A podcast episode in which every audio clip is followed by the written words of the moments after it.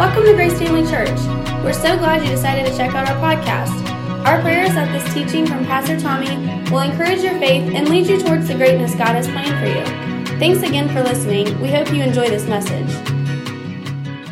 And I would encourage you that if there are things in your life right now that you're saying, well, I'm comfortable, I'm okay, I'm getting along just fine, but there are things that immediately come to your mind when I just said things that are part of your life that you wish weren't there, but you've just become comfortable having them.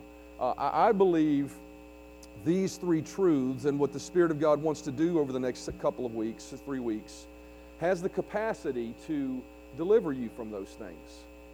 You know, and, and I use the phrase deliver you from those things because just, just so you understand, if you have anything in your life, whether it's sickness, whether it's obstacles, whether the, you're being held down, whatever it is, if it's contrary to the will of God, then you are bound by that thing, and God wants you to be free from it.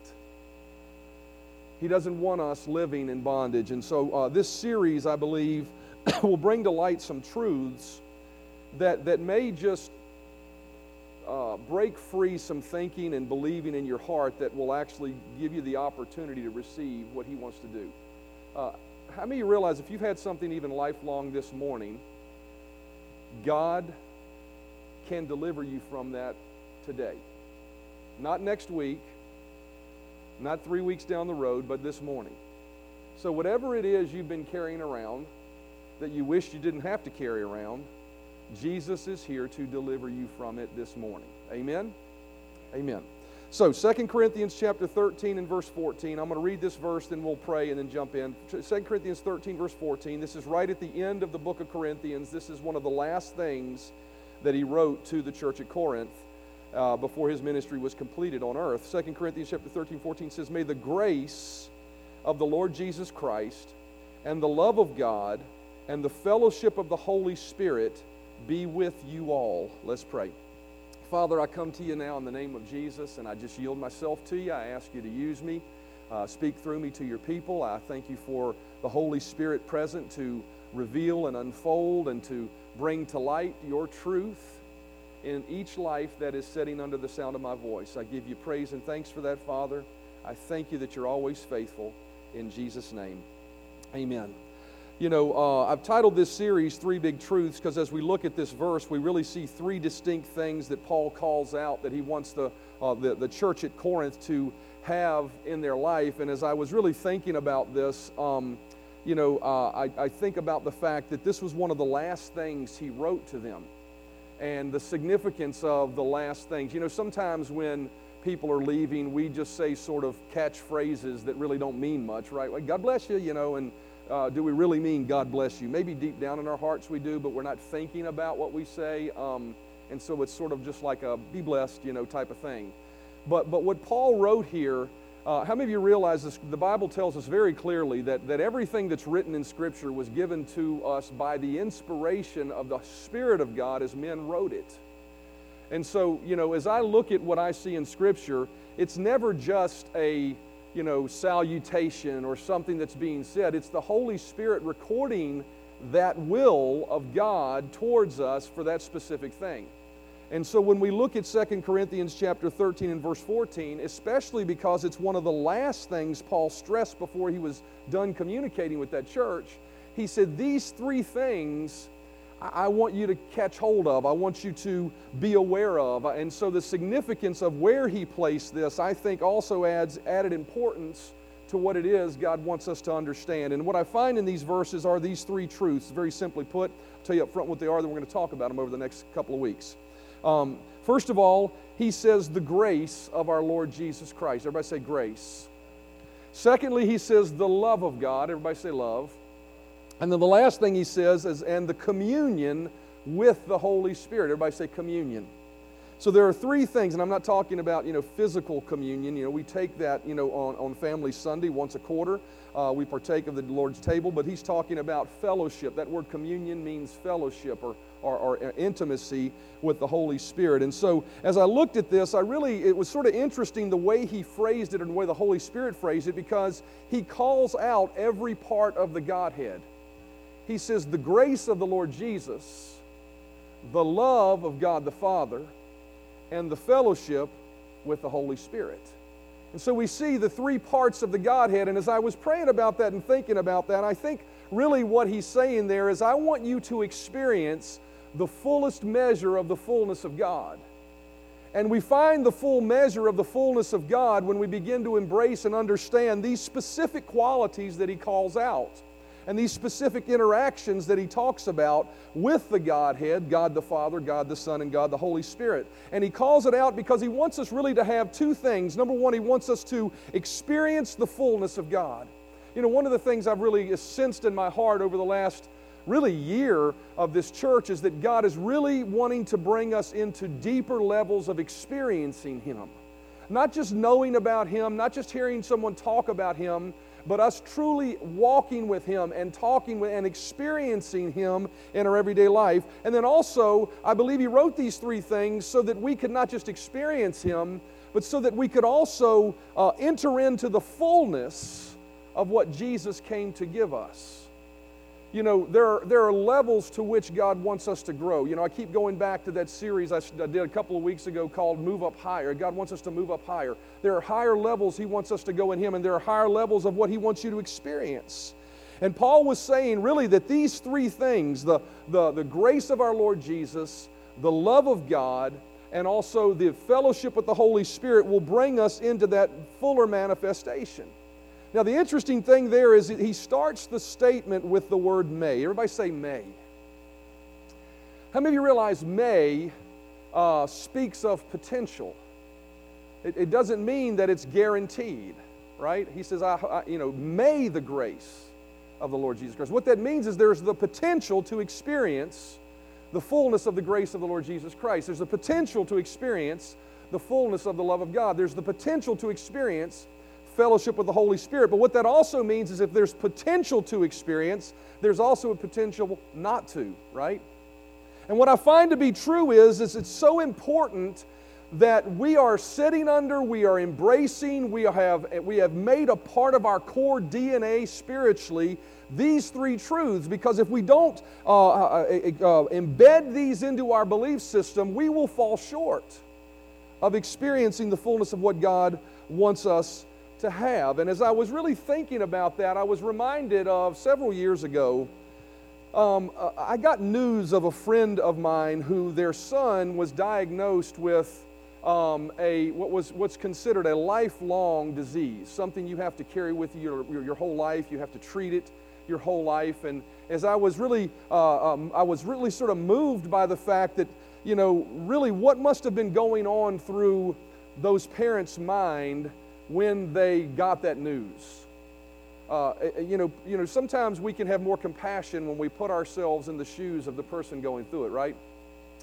And so I really thought about th- this individual, and I thought about these parents, and I thought about really the concern, the fear they may have, and then I really got to thinking about the, the young individual and really what kind of fears they may be having about their life. And, and, and as I really thought about that, I was struck with the willingness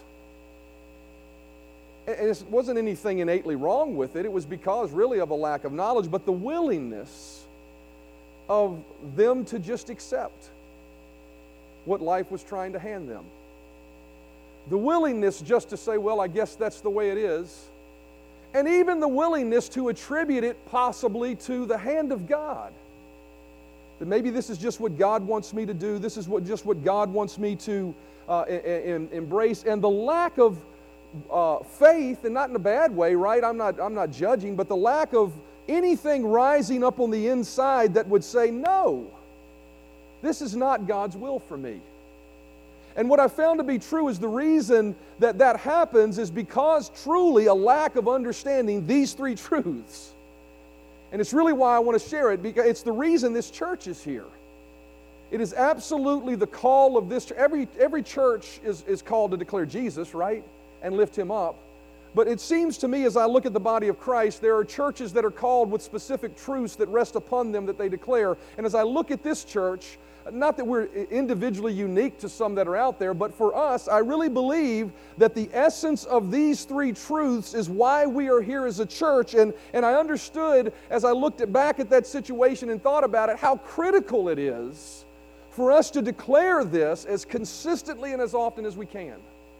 Why? Because unfortunately, when people don't embrace this, uh, uh, bad things just can happen in your life. Hosea chapter 4 and verse 6 says these words It says, My people, everybody say, My people. My people are destroyed for a lack of knowledge. You know, it doesn't say wicked people there, it says my people. You know, that, that reminds me of, you know, people sitting in churches and pews that are coming to seek God. They have accepted Jesus even. But it says they're destroyed for a lack of knowledge. They are, uh, uh, and so that tells me that the potential is there for any believer to fall short of God's best if they don't have knowledge. If they, if they, if they you know, sit inside of the four walls of a church that never encourages them to believe that God is still in the miracle working business, that God can still move a mountain instead of you having to climb it. You know, that's what happens in, in modern day Christianity, out of, outside of most circles, is, is a message of the fact that God will give you the strength to climb your mountain. But Jesus said that when we are living the life that He's called us to, we're not to climb mountains, we're to speak to them and watch them move. And so there is an essence of what we preach that is uniquely and characteristically different than what much of the religious world would want you to believe. And what it is, is it's devoid of really the simple belief that God is a miracle worker. That God is still in the business. He has not stopped. Some people say, Well, I don't understand because somebody didn't. I don't care why somebody didn't. I know what the truth says. And so it's important for us to embrace these truths. And so I want to dig into those and help us solidify those in our own hearts so that when a mountain shows up, we don't accept it. We don't just say, well, I guess this is just my cross to bear. But we recognize that that's not the God that I know and it's not from His hand, so I'm not willing to accept it. I'm willing to trust Him for His divine intervention to change it. Amen. Whatever the case may be. And so 2 Corinthians chapter 13 and verse 14 once again it says may the grace of the Lord Jesus and the love of God and the fellowship of the Holy Spirit be with you all. Here are three big truths. And these three big truths actually help us understand who it is that we're called to be, who it is God is, and what we can expect from him. And so, first of all, today, just for today, I want to talk about the grace of the Lord Jesus. Everybody say, the grace of the Lord Jesus. What is the grace of the Lord Jesus Christ? Well, you know, some people may think the grace of the Lord Jesus Christ is the fact that He saved you and you're going to heaven. That absolutely is a manifestation of His grace. But really, grace is much more holistic than that, it's much bigger than that. The grace of the Lord Jesus, when you say a person is gracious, how many of you realize you're talking about their character, their nature? And one of the things that we're talking about here, and what Paul was saying to the church at Corinth, he said, May the grace, may you understand and embrace the nature of the Lord Jesus Christ, and may it be with you. See, what is the nature of the Lord Jesus Christ? Grace is simply this uh, it's, it's, it's, a, it's a definition the Lord gave me several years ago, and I cannot think of a better definition. Some people would say grace, you know, God's riches at Christ's expense, G R A C E, right? The acronym. And that's a good definition. But as I was praying one day and really looking at what grace is, because what is grace? It is that benevolent nature that says, I, I just want to I just want to give and bless. How many of you met gracious people? They just want to bless, they just want to give, they just want to be good. They're not stingy people, right? They're not mean spirited, judgmental people. And when we talk about the grace of the Lord Jesus Christ, we're talking about here it is, the definition in a nutshell His willingness to always want to bless and always want to say yes. Everybody say, grace is God's willingness to say yes and want to bless. See, some people, even in that definition, they'll struggle with it. They'll be like, oh, no, no, no. Sometimes God says no. The only thing God says no to is things that are not a part of His will. But the Bible teaches us that He has clearly stated in His Word what His will is. So if His Word says this is something you can have, then His, his response is always to that, yes, and always I will bless. It's never no. And so, what I really want to talk to you about today is, uh, is, embracing the nature of Jesus. And that's what Paul was saying. He saying, May the grace of the Lord Jesus be with you. May you embrace who He really is in your thought life, in your everyday life, in your waking, in your laying down. Will you truly embrace the nature of Jesus, or do you have some sort of warped image of Him? Do you have a warped image of Him that says, when I come to Him sometimes when I'm hurting with something that I'm struggling with, His answer is no, bear it? Or, or, or, or, or no, you haven't been good enough for me to help you. Because that's where some people said. How many of you realize some people walk in this realm that if they're not just the epitome of the perfection of Jesus, then, then their faith struggles with Him wanting to bless them. But the nature of God says that even when we were sinners, Christ died for us. So, how much more would you, as His child, when you come to Him with something that maybe you've accepted in your life as well? I guess it's just one I got to deal with. How much more is He willing to say, No, it's not something you need to deal with. I am willing to set you free from it. See, Jesus is a benevolent, gracious Jesus. Psalm 103 and verses 2 through 5, speaking of the Lord, it says, Bless the Lord, O my soul, and forget not all his benefits, who forgiveth all thine iniquities. Notice it says all thine iniquities. Everybody say all. Who healeth all thy diseases who redeemeth thy life from destruction, who crowneth thee with loving kindness and tender mercies, who satisfieth thy mouth with good things, so that thy youth is renewed like the eagles. The Lord, in that verse, we can see his benevolence. He's full of benefits. He's a gracious God who wants to give benefits. He wants to forgive all of your iniquities. There is nothing you've done that He hasn't already forgiven. The blood of Jesus has already set you free from it. So we should never come to Him with a sense that He's looking down His scowling brow at us as if, no, you got this little thing in the way. He certainly will correct, He certainly will instruct, He'll certainly move us forward, but it never is in a sense that says, no, I won't help you. He is gracious. He's willing to forgive. It also says He's willing to heal all thy diseases. There is not a disease on the planet that God's will, it is God's will for you to carry your entire life. Thank you for the one good amen there. I don't care what you've settled and say, well, I guess it's just mine. There's not a pain, there's not an infirmity. There, and I, I, I, will tell you in my life, I refuse to ever accept anything as a diagnosis for the rest of my life. Why? Because He is a gracious Jesus. And He paid to do what? Just what that verse says to heal all my iniquities. Who redeems your life from destruction. It is never the will of God for your life to be destroyed and to live in the shambles and rubble of destruction. How many of you realize that? Eh, how many ever made a shambles and rubble of destruction of your own life? How many of you made those mistakes before? And some people will say, well, I deserve what I'm getting. Well, you may deserve what you're getting, but the good news is, is that God put what you deserve that you're getting on Jesus so you don't have to take what you're getting. You don't have to live in the rubble of your own personal destruction. He redeems your life from destruction. He crowns you with, man, I'm so love this word, with loving kindness. Loving kindness. When we come into His presence, it's never judgmental, it's never scowling, it's never with anger. When we come into His presence, there is loving kindness, it's always a soft place to land. It says, with tender mercies. Mercy, what is tender mercy? I mean, mercy is one thing, it's withholding judgment, right? But tender mercies is He does it so graciously. See, it'd be one thing to say, well, you know what, you really deserve this, but I'm not going to do it. But that's not the way Jesus does that. He says, let's not even talk about that because I love you.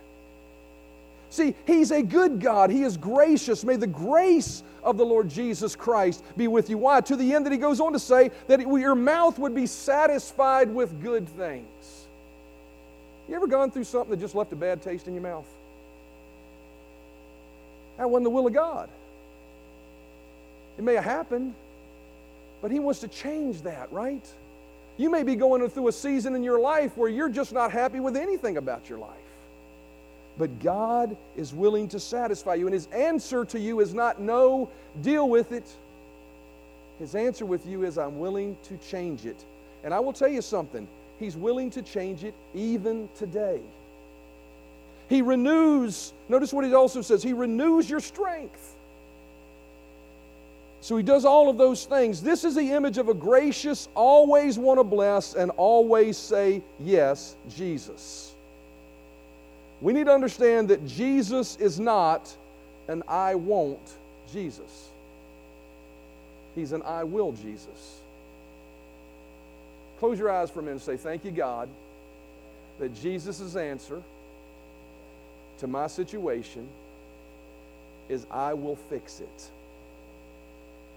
Actually, the truth of the matter is, He's already done everything to fix it. You just need to receive it. Notice Mark chapter 1 and verse 40. It says, There came a leper to him, beseeching him, and kneeling down to him, and saying unto him, If thou wilt, thou canst make me clean. Notice, this individual needed to be seated. His belief about Jesus needed to be changed. He needed an answer to a question that he didn't know the answer to. He said, If you will, you can. And I will tell you, I've said this many times from the platform, even recently. Most religion, this is where most people that have accepted Christ live their lives. They know He can, but they're not sure He will. They know He can, but every, pray they, every prayer they pray ends with, I mean, you know what I'm about to say? If it be thy will. Every prayer they pray, and they think, okay, you know, see, I'm just submitting, if it be your will, Lord. Well, if He's clearly stated what His will is, why would you say that? He's gracious. He wants to bless. And notice Jesus, the gracious Jesus to this individual, wasn't, well, you don't know what my will is, so I guess I won't bless you. His response was completely different to that. Mark chapter 1, verse 41 says, And Jesus, moved with compassion, put forth his hand and touched him and said unto him, I will be thou clean. And as soon as he had spoken, immediately the leprosy departed him and he was cleansed. The grace of Jesus responds to problems with, I will. Today, today, today, this morning, this morning, the answer to whatever you're carrying is I will. I'm hitting this really hard because I just believe there may be someone here, maybe there's more, maybe there's multiple, where you've just accepted something. Maybe it's a pain, maybe it's a diagnosis, and you've just accepted it as that's my cross to bear. I can deal with it. You know, I don't want to bug Jesus with that. I'll be okay. But what Jesus says is, is my will is to say yes to changing that. In Ephesians, we see Paul in his departing words to those folks actually saying the very same thing that he said to the Corinthians. Acts chapter 20 and verse 32 says, Now I commit you to God, and notice this, to the word of his grace to the word of his grace. Notice he says, I commit you to God and to this word of his grace. What is his grace? His willingness to say yes and his willingness to want to bless you. I commit you to an understanding that when you come to God, he's not at odds with you. He, you're not an enemy of his. His willingness is to want to bless you. And notice that word of his grace, what it has the potential to do, which can make you into what he wants you to be and give you everything you could possibly need. So I want to break that apart. Two things. First of all, when you understand the grace of Jesus, it will make you into what you, He wants you to be. See, I think it's really interesting. We come to God sometimes and we pray prayers of, if it be your will. Right now, there is a time when you pray, if it be your will. How many of you know when that is? When you don't know what His will is, right? You know, that's a, that's a prayer of consecration. That's like, Lord, I believe you're heading me down this path, so I'm committing myself to this. And if it's your will, I just pray that you'll bless me with it. Right? That, that's a prayer of consecration. But when it comes to challenges in life and obstacles in life and problems in life and mountains in life, God has been very clear with us in His Word that He doesn't desire us to have those. And in those situations, what it says is, is if we will embrace His gracious yes back to us, that belief will make our lives into what He wants it to be. And not only that, but it says it will give you everything you could possibly need. Now, here's the thing many people with a religious mind would read that to say, and it will cause you to be satisfied with what you have. But that's not what that verse says. It doesn't say that this grace will make you satisfied with what you have while your need goes unmet. How many of you realize needs are very real, right? You don't redefine those. If you have a bill that needs to be paid, you don't have the money. How many of you realize you need money to pay the bill? That's a need, right? And what that verse says very specifically, let's just break it down. It says very specifically to you this morning if you have a need for your bills to be paid, the grace of the Lord Jesus will meet that need. It doesn't say it will make you satisfied while you live in lack. It says when we understand grace, it causes us to believe hey, that need, God's willing to meet that. And I receive it. Embracing grace will help you realize that He can turn any situation around. It will cause you to stop saying, Will He? and cause you to start saying, He will. Everybody say, just flip the script. It'll cause you to say, He will. Psalm 45 and verse 2 says, Every word, Paul encouraged the church at, uh, uh, uh, at Ephesus and, and the church in Corinthians to do this because the psalmist said these words. It says, Every word from your lips is sheer grace. Every word from your lips is sheer grace. That is why God will always bless you, bless you so much. Notice the key to being blessed and blessed so much is understanding that He is a God of grace. Faith begins when we're convinced in God's willingness to bless us. And that's why I say this needs to be a DNA. It needs to be sort of the spiritual DNA of who we are. When we come to a problem, the first question we must ask ourselves is Does God's word say He's willing to change it? And if it does, then we should have within us this DNA that says, I refuse to accept it because His answer is yes. Acts chapter 14 and verse 3 says So Paul and Barnabas spent considerable time. Notice, Paul and Barnabas spent considerable, t- considerable time there speaking boldly for the Lord. Notice this, who confirmed the message of grace. Notice once again the, the, what they considered, they, they actually spent considerable time doing. They spent considerable time preaching a specific message a message of the grace of the Lord Jesus Christ. That He is a good Jesus. That He's an always yes and always want to bless Jesus. That His willingness to make your life better is always yes and never no. It says, when they spent considerable time delivering that message about the Lord, the Lord confirmed the message of His grace by enabling them to do miraculous signs and wonders. See, notice what happens when we allow the DNA of this belief that grace, that Jesus is a gracious Jesus. It, it embeds within us a belief system that makes possible the ability for what? Miracles and signs and wonders, this says. Miraculous signs and wonders. So, the first truth that God wants us to embrace this morning as we delve into this series is He wants us to embrace that Jesus truly is gracious, that we would not see Him at odds with us. Ever. Ever.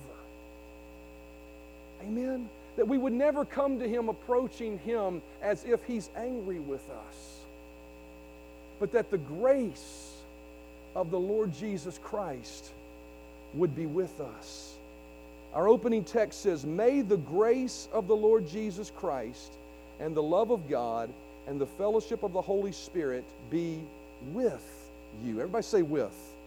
I'm going to close with this. Musicians, no need to come. But I'm going to close with this. That word with is an interesting word. As a matter of fact, I was sitting in the parking lot as I was coming in. I felt the Holy Spirit say to me, Look up the Greek word for that word with. So I did. And that word with is a very interesting word. The word with you expresses that we embrace it so much that it's a part of our DNA, but not just so we embrace it. But actually, what it says is so that we encounter the effect of the grace. So, the very specific nature of this particular word with you means this that you would embrace grace to the end that it has an effect and delivers that grace into your life. That you truly allow that grace to be with you so much that it's a part of who you are. That when you get up in the morning, you know He's on my side. When you face a mountain, you realize it's not His will for me to have it and climb it, it's His will to move it. Amen. How many of you realize that's what He's called us to, and that's the kind of Jesus that He is? Amen? Amen. May the grace of the Lord Jesus Christ and the love of God and the fellowship of the Holy Spirit be with you all. First and most important truth that you can establish as a part of your belief system is that God is gracious, that Jesus is an always yes and always want to bless Jesus. Amen. Thanks for listening to our Grace Family Church podcast. We hope you enjoyed this message. If this ministry has blessed you in any way, we would love for you to get connected. Just go to gfcva.info for more information about who we are, how to give to this ministry, or how you can get involved.